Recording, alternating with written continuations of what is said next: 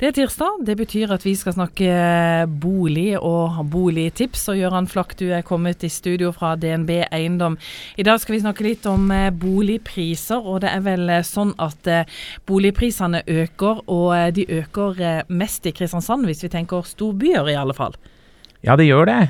Den siste statistikken som er for mai måned, viser en veldig positiv utvikling i boligprisene både nasjonalt og spesielt kanskje i Kristiansand hvor landet under ett har en boligprisvekst på 0,7% og og så var det da Kristiansand med høyest vekst på 1,1% opp for boligprisene.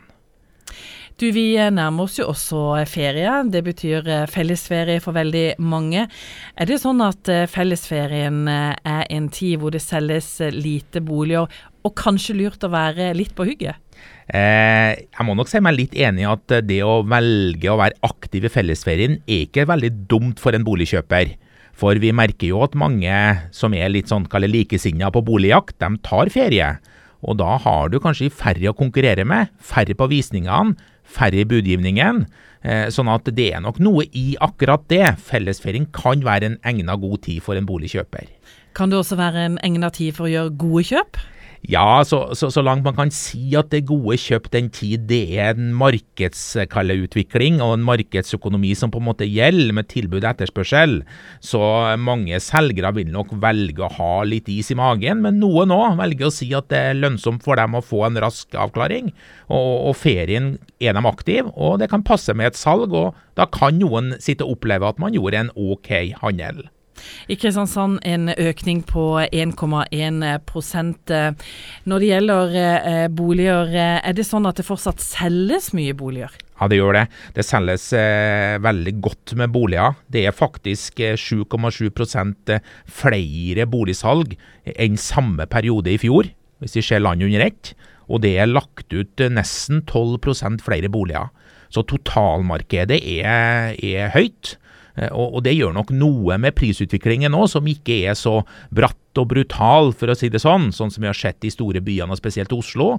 Så har jo Kristiansand nå faktisk en høyere, høyere boligprisutvikling, på 2,5 eh, mot Oslo på 2,1% de siste tolv månedene. Så vinneren i boligmarkedet så langt, hvis en skal si det, alle som eier bolig i Kristiansand, er de som har høyst kalde utvikling på boligprisene sine så langt i år.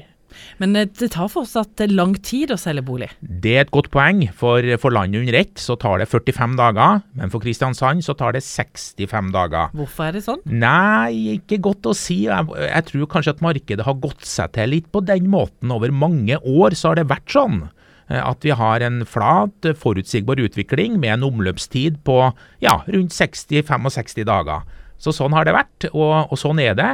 Og, og det syns jo vi og alle med oss er en veldig positiv utvikling. At man har den forutsigbarheten, og ikke de voldsomme hoppene i markedet.